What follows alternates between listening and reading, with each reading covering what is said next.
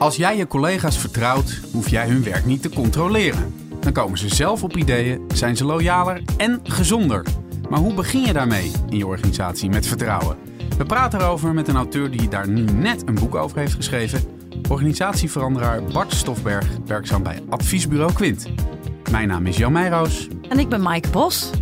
Leuk dat je luistert naar Work in Progress, de podcast van Intermediair over werk, carrière, work-life balance en persoonlijke groei.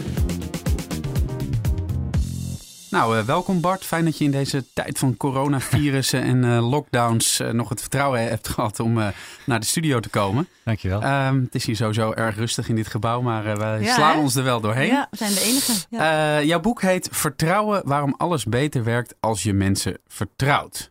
Is dit nou juist een goede of juist een rampzalige tijd om met zo'n boek uit te komen? Nou, misschien wel een hele goede. Als je, als je het dan toch helemaal over de crisis wil hebben Um, in China werken ze heel erg op basis van wantrouwen.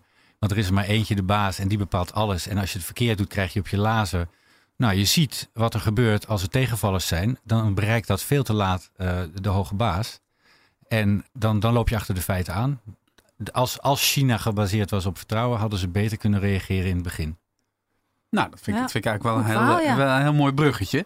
Toch zeg jij uh, in je werk, uh, of in, uh, als we het hebben even over werk, vertrouwen en werk.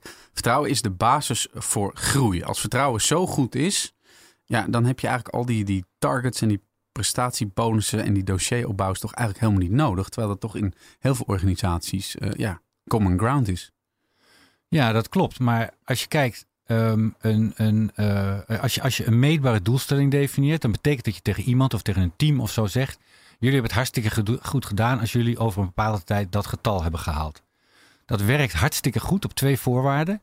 Dat is één, dat je precies weet hoe het zit. En B, dat er in die tussentijd niks verandert. Nou, ja. uh, hoe vaak gebeurt dat? Ja, dat, dat, dat, dat laatste, dat, ik heb het idee dat dat heel vaak gebeurt. Kijk, het, het kan wel, uh, uh, zo'n zo manier van werken. Dat heet namelijk fabriek. Ja. Uh, dan zet je er groot hek omheen.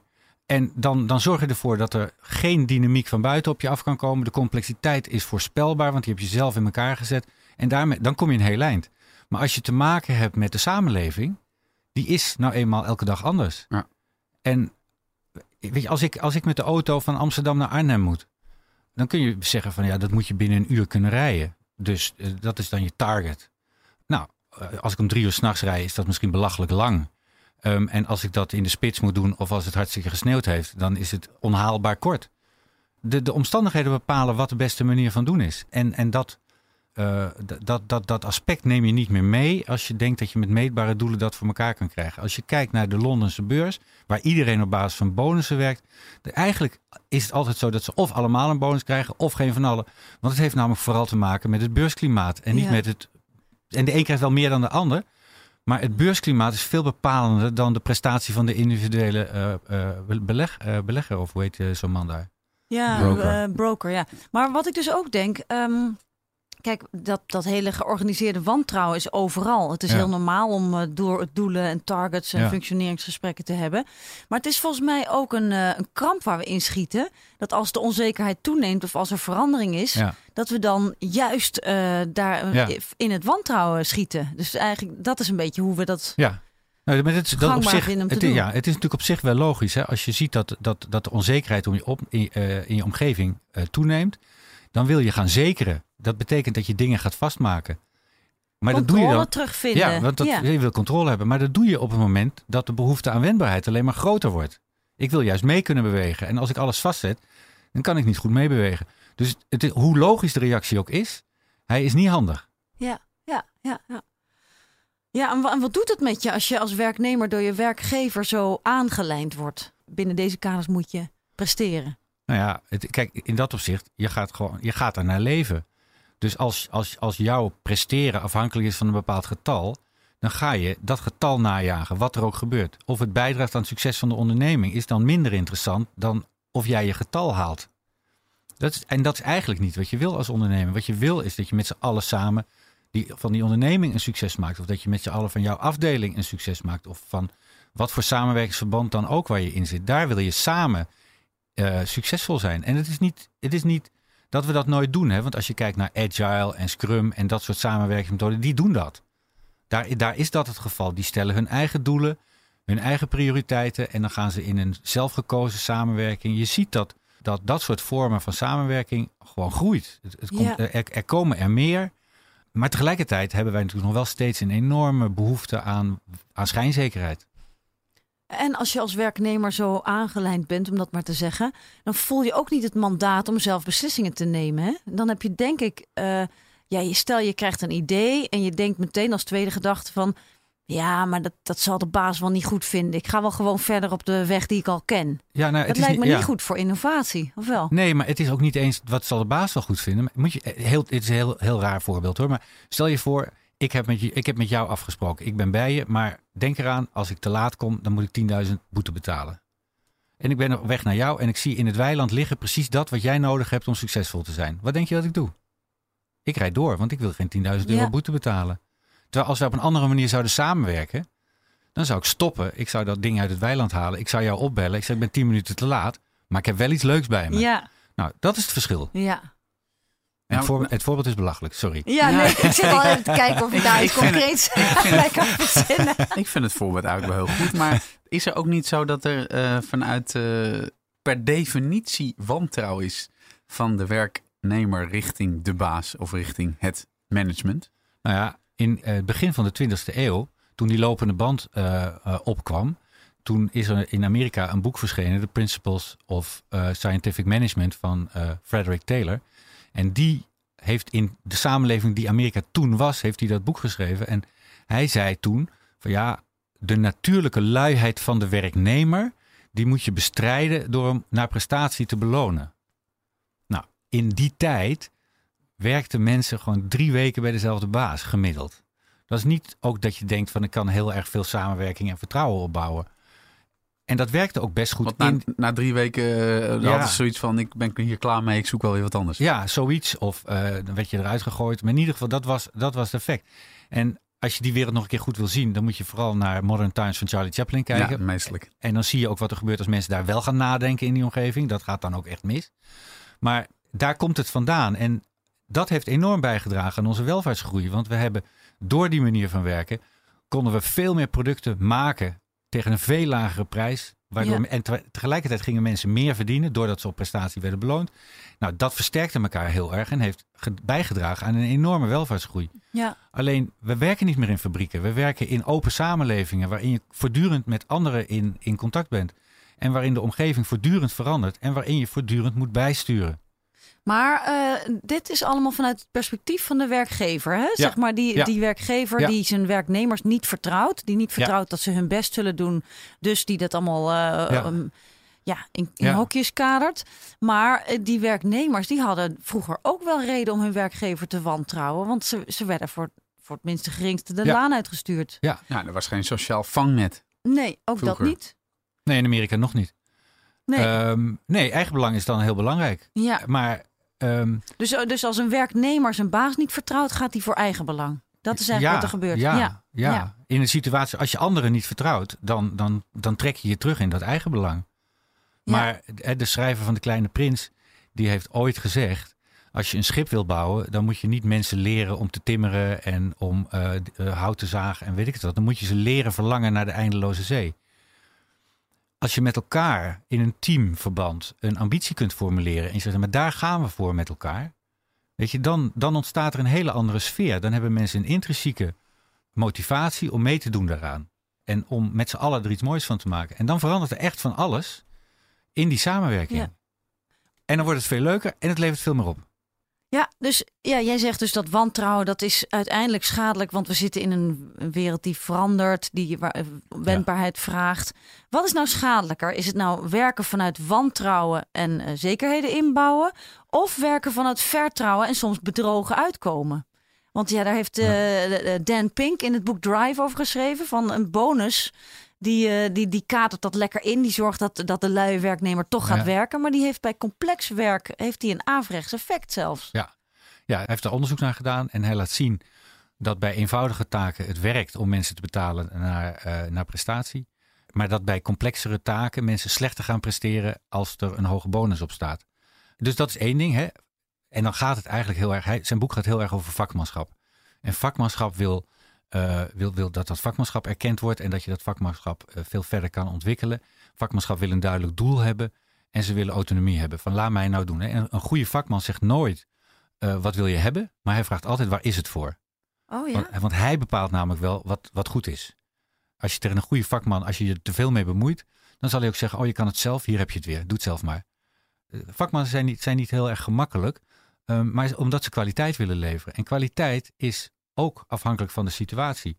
Als je aan mij vraagt wat is een goede auto, nou dan zeg ik nou doe maar veel bagageruimte, want dat is handig op vakantie. En ik wil uh, heel relaxed zitten, want ik zit veel op de weg, goede muziek en dat soort dingen. Als je aan Max Verstappen vraagt wat is een goede auto, die komt met een ander antwoord. Dus wat is een goede auto is een rare vraag. Pas als je weet wat ga je doen met die auto, kan je definiëren wat een goede auto is. Nou, dat heet fit for purpose. Kwaliteit moet fit for purpose zijn. Het moet passen bij het doel dat je hebt. En in de Anglo-Amerikaanse wereld denken wij dat kwaliteit is dat je levert wat is afgesproken.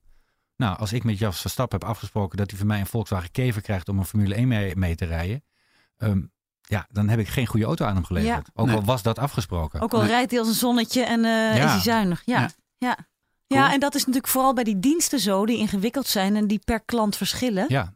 Het is niet dat je een Tom Poeks verkoopt. Het is dat je een, bijvoorbeeld een verandertraject verkoopt. En dat ligt per, per organisatie weer anders. Ja. En dan moet je dus ook gaan luisteren en kijken en uh, kijken welk doel iemand... Ja, nou ja, En, wat je, en, wat je, en wat je dan krijgt als je praat over verandering... Um, daar heeft uh, meneer Taleb in het boek uh, Antifragiel een mooi ding over geschreven. Een geweldige metafoor. Hij zegt, eigenlijk heb je in de hele wereld met twee soorten constructies. Je hebt katten en je hebt wasmachines. En als je het gedrag van een wasmachine wil veranderen, dan pak je de tekening, je streept aan wat je wil veranderen en dan test je het en dan ben je klaar. Als je het gedrag van een kat wil veranderen, dan stel je jezelf een veranderdoel, je maakt een plan, je voert het plan uit en je constateert dat het niet werkt. Dan ga je bijsturen, je kijkt wat er gebeurt, je gaat bijsturen, je kijkt wat er gebeurt. En op een gegeven moment denk je, nou, ik ben toch behoorlijk in de buurt van mijn oorspronkelijke doelstelling gekomen. Dat heb ik best goed gedaan. En dan zegt hij, organisatieverandering, het is natuurlijk katverandering, maar we doen altijd net alsof het wasmachineverandering ja, is. Ja, ja. Nou, in mijn ogen is dat een spijker op zijn kop. Een organisatieverandering is altijd onvoorspelbaar.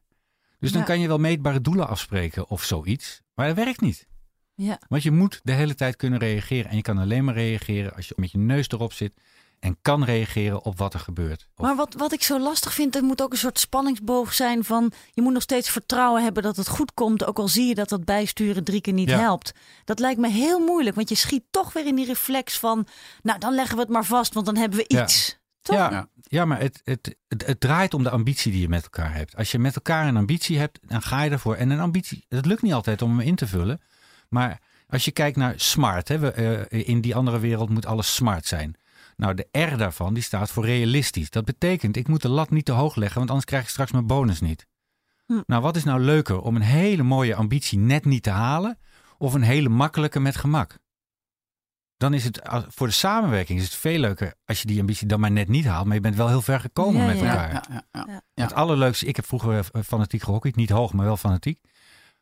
Mijn allerleukste jaar is het jaar waarin wij in de laatste minuut van de laatste wedstrijd geen kampioen werden. Maar het seizoen was geweldig. Ja. Wat een fantastisch jaar. Alleen het eindigde wel heel erg vervelend. Ja, dus de weg er naartoe was gewoon heel was, ja. ja. Ja, maar we hadden wel het hele jaar het gevoel we kunnen kampioen worden. Beetje zoals Ajax vorig seizoen. Nou ja, bijvoorbeeld. Dat is, dat is, weet je, dat was heel erg, ja. En haal die grijns van je. Eh, dat, maar dat is inderdaad, als je er op het moment zelf denk je, wauw, wat vreselijk. En als je op terugkijkt, zeg je, wat hebben we een geweldig seizoen ja, gehad. absoluut. Work in progress. Nou, uh, even, even over dat vertrouwen. Want um, het is ook wel een beetje een ongrijpbaar iets. En je ziet ook wel dat mensen inderdaad snel teruggrijpen op reflex, mm -hmm. op, op, op, persoonlijke ja. doelen. Eh, Seneca zegt in jouw boek: als je iemand vertrouwt, maak je hem betrouwbaar. Die zal jouw vertrouwen niet willen beschamen. Ja. Maar ja, we hebben allemaal wel meegemaakt dat je, dat je een heel goed idee had. En, uh, en dat vertelde je dan tegen je collega bij de koffieautomaat. En dan kwam in de vergadering, ging zij of hij er opeens met jouw ja. idee vandoor. Ja. Weet je, het, het, is, het is wel een heel romantisch beeld uh, wat enigszins geschetst wordt, toch? De praktijk is gewoon weer barstiger en grimmiger. Het is, het is een romantisch beeld als je het heel erg vanuit die Anglo-Amerikaanse wantrouwen manier van denken bekijkt. Maar, um, nou, als je kijkt, ik, ik, ik, nog, ik heb gehockeyd. Het eerste wat ik daar geleerd heb bij hockeyen is, als je elkaar de waarheid niet kan vertellen, word je nooit kampioen. Nee. Dus je moet met elkaar in gesprek over de dingen die fout gaan als er een sfeer van wantrouwen heerst, dan ga ik heel veel niet vertellen. Als ik iets fout doe, ga ik het niet vertellen, want dan krijg ik op mijn lazen.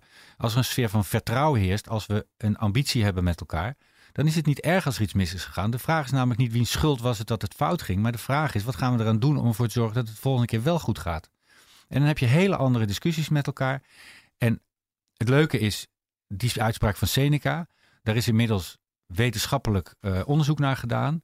En um, ze hebben onderzoek gedaan naar de stof oxytocine. En dat is een neurotransmitter. En als je oxytocine-niveau omhoog gaat, dan ga je andere mensen meer vertrouwen. Dat blijkt uit onderzoek. Wat ook uit onderzoek blijkt, als je iemand vertrouwt, dan gaat zijn oxytocine-niveau omhoog. Ergo, als ik iemand vertrouw, dan gaat hij mij terugvertrouwen. Dat is wat er staat. Uit dat onderzoek blijkt ook dat geldt zo in 95% van de gevallen. Bij Donald Trump doet hij het niet. Hm. Dus de kunst is wel om aan het begin je af te vragen: zit deze nou in die 5%? Ja. Of zit hij in die 95%? En als iemand in die 5% zit, nou, dan moet je daar vooral, die moet je vooral niet vertrouwen. Maar die moet je eigenlijk niet toelaten tot het team. Zo iemand wil je niet in je team hebben. Maar is die dan altijd niet te vertrouwen? Hè? Is dat in zijn DNA gegoten, zeg maar? Of is het eh, per situatie anders? Nou, het is, het is, ja, het is deels is het in, uh, in zijn DNA gegoten. Hè? Oh, ja. Trump gaat nooit op basis van vertrouwen samenwerken. Ja, of hij heeft een hechtingsprobleem met een uh, brute vader of zo. Nou, dat, zit, dat, zit, dat zit heel diep in ieder geval. Um, bij anderen is het, situa het, is, het is normaal gesproken situatieafhankelijk. Um, bij, bij de Hells Angels zijn ze loyaal naar elkaar, maar niet naar de samenleving. Um, ja. Toch bizar dat zoveel mensen dan Trump vertrouwen, hè? dat ze hem hebben gekozen. Ja. Eigenlijk heel raar. Ja, dat is raar. En uh, ik weet ook niet of ze, ik weet niet hoe dat zit. Of ze hem nou vertrouwen omdat ze zo'n pesthekel hebben uh, aan, aan de samenleving. Dat ze denken, nou hij heeft het ook in ieder geval. Dat weet Met ik hem wordt het in ieder geval niet erger. En krijgt hij nou ook een hoger oxytocine niveau door al die kiezers die op hem hebben gestemd? Die hem zijn vertrouwen hebben gegeven? Nee, nee het interessante is... Uh, Denk je, hè? Dat, nee, ook, ook daar is onderzoek naar gedaan. dat oxytocine niveau is aan de ene kant en aan de andere kant heb je testosteron. Ah, ja, ja. En die twee die hebben een, een soort negatieve verhouding met elkaar. Als de een omhoog gaat, gaat de ander naar beneden en andersom. Dat is net niet helemaal waar, maar nou, in, het, op is dat wel logisch, want je moet natuurlijk uh, gewoon heel erg primair kunnen reageren. Ja, en als je testosterongehalte hoog is, dan heb je het idee dat je heel veel mag vragen van anderen, dat je daar recht op hebt.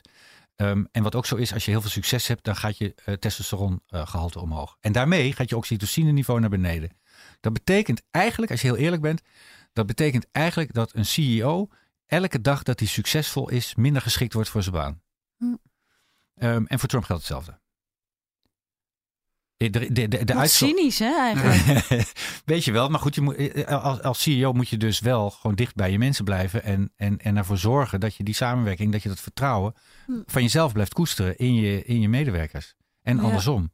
Dus eigenlijk is het goed voor CEO's dat ze ook af en toe eens een uh, flinke tegenvaller hebben. Eigenlijk wel, want dat, dat, dat is in ieder geval goed voor hun testosteron-oxytocine uh, gehalte of balans. Het is overigens wel zo, dat, dat is de uitzondering Jullie kennen wel die, uh, die haka die die uh, Nieuw-Zeelandse ja. uh, rugbiers doen van tevoren. Ja.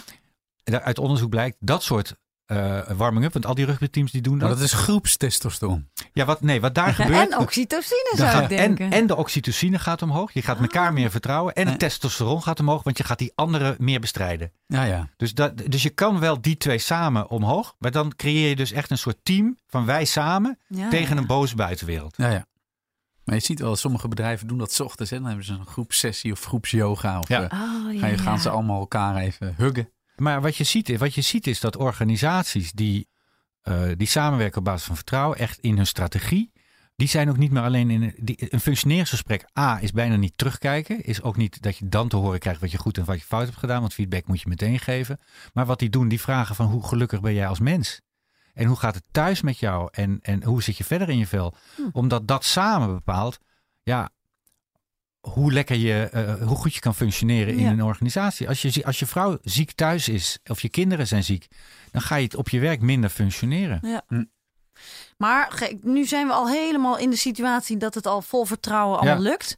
Maar kijk, ik ben gewoon werknemer en ik ga naar mijn werk. En ik voel dat ik heus wel af en toe door een soort brei van wantrouwen heen moet, moet je dan beginnen met uh, vertrouwen, zeg maar tegen beter weten in? Of moet je eerst, uh, vind je dat je collega's eerst jouw vertrouwen moeten verdienen? Hoe begin je daar nou, Nou, mee? Eén ding is wel zeker, als je begint met wantrouwen, kom je nooit meer uit op vertrouwen. Oh, Want ja. wantrouwen lokt wantrouwen uit. Ja. Ehm, als je wil dat je het op een andere manier moet doen, dan moet je gewoon beginnen met een gezamenlijke ambitie. oh ja. In, in, in de omgeving die jij kan beïnvloeden. Dus als je niet je teamleider bent, maar gewoon een werknemer, hoe doe je dat dan? Nou, dan kun je met je team bespreken van wat is nou onze gezamenlijke ambitie? Wanneer, zijn, wanneer hebben wij het nou goed gedaan? En dan niet, niet smart, hè? Niet, niet meetbaar maken, maar wanneer hebben wij het nou goed gedaan? Hoe, wat, wat is nou onze rol in deze onderneming? En dat kan wel een team zijn, het kan, eh, eh, of het kan je afdeling zijn, maar het kan ook een andere vorm van team zijn waar je in zit. Maar als je begint met wat is onze, onze ambitie? En zullen we nou eens met elkaar die ambitie na gaan streven? En zullen we het er met elkaar eens over hebben wat de bijdrage van iedereen is Hmm. aan die ambitie? Dus eh, dat kan je gewoon spontaan opperen in een vergadering. Of, eh, Ja, daar kan je gewoon mee beginnen. En dan, dan, dan zal je zien dat je ineens over kwalitatieve dingen gaat praten en niet over kwantitatieve. Hè, Dan ga je zeggen, nou dan moeten onze klanten veel meer tevreden zijn. Dan zeg je niet, Hm. nou dan moeten we een 8 halen voor onze volgende klantreview. Je zegt nee, onze klanten moeten meer tevreden zijn. Dan kan je natuurlijk nog steeds zeggen, hoe gaan we dat meten? Maar de doelstelling is niet een 8 voor die review. Maar die doelstelling is, ik heb tevreden klanten. Hè, als je, ja, ja. als je, stel je voor dat je met elkaar afspreekt, terug weer even terug naar het wantrouwen denken. Je moet aan het eind van, deze, eh, van dit kwartaal, moet jij in een klantreview moet je gemiddeld een 8 halen. Ja, je gaat een enquête sturen naar je klant en daar moet dan een 8 uitkomen. Nou, dan in een wantrouwen situatie denk ik, oh ja, dan moet ik dit en dit niet vragen, want daar krijgen we geheid slechte antwoorden op. Dan moet ik hem niet opsturen naar die en naar die en naar die, want dat zijn notoire zeurpieten, daar krijg ik nooit een 8 mee. Uiteindelijk heb je dan een 8 misschien wel voor je review, alleen je haalt er geen informatie meer uit. Ja. Terwijl als je denkt, nee, ik wil tevreden klanten hebben, ik ga het vragen. Ik vraag juist naar mijn pijnpunten, want daar zitten de verbeteringen. Ja. Ja. Dat is echt Ja, een andere ja, manier ja. van kijken, maar hij levert uiteindelijk wel veel meer op. Nou, dat, Ja. moet je, ja, dat moet je durven. Is, dat is dat ook eh, de, de, wat jij noemt de economische waarde van vertrouwen? Ja, daar, dat zit daarin. Als je als onderneming succesvol wil zijn, dan moet je wendbaar zijn. Dat lukt alleen maar als je mensen durft te vertrouwen. Dan moet je vakmanschap de ruimte geven. Dat lukt alleen maar als je mensen durft te vertrouwen. Als jij, en, en dus als onderneming heb je geen keus meer. Het is niet meer een kwestie van smaak. Van nou, ik ben van vertrouwen of nee, ik ben meer van wantrouwen. Het is, maar geen enkele or- organisatie zal zeggen, wij zijn meer van wantrouwen. Dat, misschien zijn ze het wel, maar ze zullen dat nooit Ja. zeggen. Nee. Ze zullen het ook niet als, Ja. als, als, als Nee. pijler zijn, denk ik. Daar heb je gelijk in. Het andere woord voor wantrouwen is controle. Ja. Ik wil controle. Dat zeggen ze wel allemaal. Ehm, weet je, het, zit, het zit hem in dat. Loesje heeft daar een prachtige uitspraak in. En het gaat echt over vakmensen. Keten me niet, boei me. Ja. Wij Dat- werken in ketens. Ja, en proberen dat vakmanschap zoveel mogelijk zeg maar, te beperken. Dat is zonde, want het was toch vakmanschap? Ja, dat klinkt natuurlijk heel logisch. maar waarom is het dan zo moeilijk? Nou ja, het is moeilijk, het is moeilijk omdat gevoel, je geeft gevoel voor zekerheid weg. Ja. Maar 100% zekerheid heb je niet in deze samenleving. Work in progress. Nou, je, ik las in je boek ook dat je dus zegt... wantrouwen zorgt misschien dat het niet fout gaat. Ja. Maar vertrouwen zorgt dat het goed gaat. Ja. Dat, het, dat je niet het minimale eh, aan risico inperkt... maar dat je echt zorgt dat, dat er wat Ja. gebeurt. Ja, en eigenlijk Ja. een proces en dat soort dingen. Go- en Goede afspraken. Samenwerken op basis van afspraken. Dat is zeg maar de laagste vorm van samenwerken op basis van vertrouwen. Dat je gewoon afspraken maakt met elkaar. Dat zorgt ervoor dat het niet fout gaat. Als je naar een ziekenhuis gaat, dan is het eerste wat ze vragen is... ben je in Zuidoost-Azië? Nou, tegenwoordig niet. Dan vragen ze naar China en naar eh, Italië. Ben je daar geweest? Eh, ben je op een varkensboerderij geweest? Heb je een pacemaker? Allemaal dat soort vragen. Ja. Waarom? Om te voorkomen dat het fout gaat. Eh, dan kom je bij die arts en die vraagt ook nog een paar dingen van dat type. En dan vervolgens gaat hij zijn vak doen. En dan laat hij het proces lopen en dan gaat hij gewoon zijn vak doen. Dan gaat hij ervoor zorgen dat het goed gaat. En als hij klaar is, dan roept het proces hem terug en die zegt stop. Jij moet nog even deze informatie invullen, want die hebben we later weer nodig. Dat is weer om te voorkomen dat het fout gaat. Nou, dat voorkomen dat het fout gaat, dat kan je doen door op basis van vertrouwen te zeggen, we maken afspraken en daar houden we ons aan. En je kan ook op basis van wantrouwen dat afdwingen. Hm. Dan gaan mensen, dan dwing je, dan, dan zet je er sancties op als je je niet aan de afspraken houdt. Maar het is niet noodzakelijk. Maar de laatste jaren zijn juist in de zorg en ook in het onderwijs... die hele ja, protocollen voor hoeveel informatie je Ja. moet vastleggen... en ook bij de politie, is allemaal toegenomen. Ja, maar dat hoeft helemaal niet erg te zijn. Als je in het Oh. ziekenhuis wil dat iedere patiënt elke dag de juiste dosering van het juiste medicijn op het juiste moment van de dag krijgt. Ja, proces. Dat kunnen vakmensen niet. Hm. Dat, dat vergeet je. Dus dat soort dingen moet je juist wel protocoleren. Ehm, maar als je in een ziekenhuis wil weten, wil op tijd wil, in- wil zien dat het met een patiënt niet goed gaat, Dat is een proces kansloos. Dat is het vakmanschap van de verpleegkundige. Die zegt, nou moet ik even daar naartoe, want er gaat daar iets niet goed. Ja. Dus dat is de wisselwerking. Het proces, de protocollen, de procedures zorgen ervoor dat het niet fout gaat. Ja. Vakmensen zorgen ervoor dat het goed gaat. Ja. Nou, en dus, nou ja, we zijn er nou wel van overtuigd dat vertrouwen iets goeds is. Hè? Ja. Van, eh, dan Ja. moet je nog, hoe, hoe ga je dat nou in de praktijk brengen? Hè? Want waar begint het nou bij? Klopt het nou dat het bij communiceren begint? Het begint met ambitie. Oh ja, het begint Elke met keer ambitie. weer. Elke Oh, keer. ja, het begint met ambitie. Ja. Hebben wij een gezamenlijke ambitie waar we samen in geloven? Hebben wij het gevoel dat we daar allemaal ook beter van worden? Maar dan, dan ga je heel erg over de intentie waarmee mensen werken. Hè? Ook altijd werknemers die gewoon toch niet zo goed zijn. En, of die misschien in hun sollicitatiegesprek een mooi verhaal hadden, Ja. maar die in de praktijk tegenvallen. Nou, kijk, om te beginnen heb je in de organisatie verschillende plekken. Je kan, eh, als je kijkt naar de kernprocessen van een onderneming, hè, eh, eh, dat, dat, dat wil je betrouwbaar, voorspelbaar, efficiënt, effectief, transparant, snel. Dat, dat, dat is heel erg procesdenken. Daar geef je mensen ook veel meer houvast. Een vakman zou zeggen, je ontneemt me de ruimte, maar een heleboel mensen ervaren dat als houvast. Oké, ik moet dus kennelijk, wordt dit van mij verwacht. Helder, overzichtelijk, dit moet ik doen. Maar als je kijkt naar waar de onderneming contact heeft met de samenleving, daar wil je mensen hebben die op basis van intrinsieke eh, motivatie, wil je dat die de goede dingen doen, wat dat ook is. En tegelijkertijd heb je ook andere plekken in de organisatie waar vakmensen ervoor zorgen dat het onderscheidend vermogen van die organisatie toeneemt. Ja. Die bedenken nieuwe dingen, die zorgen voor misschien nog betere processen, of die zorgen voor goede marketing, of die maken nieuwe producten. Nou, op die twee plekken heb je veel meer dat samenwerken op basis van vertrouwen nodig dan in die kernprocessen. Ja. Maar dus, dus, dus het is en-en eigenlijk. nou ja, en- maar wat je wel ziet is dat lean, wat lean doet, is eigenlijk dat het in die mensen in de kernprocessen zegt, zullen we eens samen proberen verantwoordelijk te zijn voor het proces. Dus Ja. niet een of andere manager met zijn team ontwerpt het proces en jullie moeten in het proces werken. Nee, wij gaan samen nadenken hoe we dat, eh, eh, dat proces kunnen verbeteren. Dat betekent dat je in het proces heel erg betrouwbaar moet zijn. Maar tegelijkertijd heb je de ruimte om uit het proces te stappen met elkaar op zekere momenten. En te zeggen, volgens mij kan het daar en daar beter. Dan neemt het niveau van vertrouwen neemt toe in die gesprekken.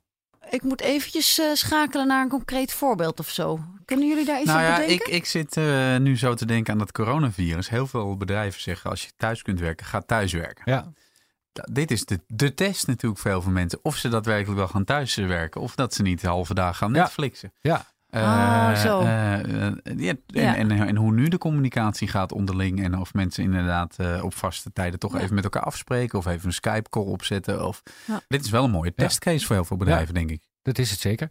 Ik, ik, ik werk bij Quint, eh, een consultancybureau. Wij hebben altijd eigenlijk de ruimte en het vertrouwen om dingen te doen. Als ik, eh, ik, ik zit soms bij de klant en ik zit soms thuis. Als ik eh, om twee uur 's middags naar de IKEA ga en s'avonds twee uur doorwerk, dan heb ik een veel nuttigere dagbesteding dan als ik overdag werk en s'avonds naar de IKEA ga. Mijn, mijn werkgever vindt het prima als ik dat op die manier omruil. Die vertrouwt erop dat ik toch wel die dingen doe die ik moet doen. Ja, dat is omdat je gewoon weet, je wil, Ja. je wil die klanten zo goed mogelijk helpen. Ja. En eh, je doet wat er voor nodig is. En het Ja. is ook een stuk ook- rustiger in de IKEA overdag. Ja, nee, precies. Het, mijn, mijn dagbesteding is beter. En, en, Ja. en weet je, de andere kant van het verhaal is... ik zit soms wel eens tot 11 uur s'avonds door te werken... om een offerte op tijd af te hebben. Ja. En dat, ook dat, het is... Maar wij zijn gewend om elkaar te vertrouwen. Het, staat in een, het is een van onze vier eh, basisprincipes vertrouwen. Ehm, dus we besteden er al aandacht aan. Ja, dat, dat maakt het makkelijker. Als je nu ineens, als je gewend bent om op basis van wantrouwen te werken... en je zegt tegen iedereen, ga lekker vanuit huis je werk doen... ja, dan denk ik dat er best een hoop mensen zeggen... nou, eh dat ga ik eens lekker rustig aan doen. Nou ja, ik, ik probeer het gewoon concreet te maken. Van hoe kan ik nou eh, op mijn afdeling vandaag nog beginnen met meer vertrouwen hebben. En ook eh, ja, laten groeien, zeg Ja. maar. Nou, ik denk dat En eh, Volgens mij moet, je, moet de, de, de, zijn een aantal be- bepaalde mensen op zo'n afdeling wel, wel aan zet hierin, denk ik toch? Die, je hebt in ieder Ja. geval wat voorbeeldfuncties eh, nodig. eh, Ja. Dat hoeft niet per se een manager te zijn. Het kan ook iemand uit een team zijn die eh, dit gewoon op de agenda zet. Dat kan iedereen zijn. Ja. Iedereen kan zeggen, jongens, moet je eens luisteren, zullen we niet veel meer dit doen? Dan kunnen we niet het zo doen dat wij A, veel meer plezier in ons werk hebben, maar B, hè, dus voor, voor, voor mij als vakman is het fijn, ik, ik heb meer plezier in mijn werk, voor de onderneming, we presteren veel beter. We Ja. doen het gewoon veel beter. Ja, want, maar uiteindelijk heb je natuurlijk ook wel de, altijd de harde wer- werkelijkheid dat er ergens bij bovenin een Excel-sheet eh eh, meneer zit en die Ja. kijkt, hmm, opbrengsten, kosten, baten. Ja. En dan gaat hij weer aan, aan een paar knoppen draaien en dan... Uh... Ja, en, ja, maar je zou aan je collega's kunnen vragen van, goh, wat dit team waar wij mee werken, wat is nou eigenlijk ons doel binnen de grote organisatie, toch? Ja. En wat, wat kunnen we dan als heldere afspraken maken? Dat je toch een beetje helderheid schept in wat er ongezegd verwacht wordt. Nou, wat je ziet is dat heel veel, heel veel uh, grote ondernemingen, en niet per se alleen maar die internetondernemingen, die werken tegenwoordig met OKR, dat staat voor Objectives and Key Results. Je definieert een aantal objectives van wat zijn de doelen, wat willen wij nou met elkaar bereiken.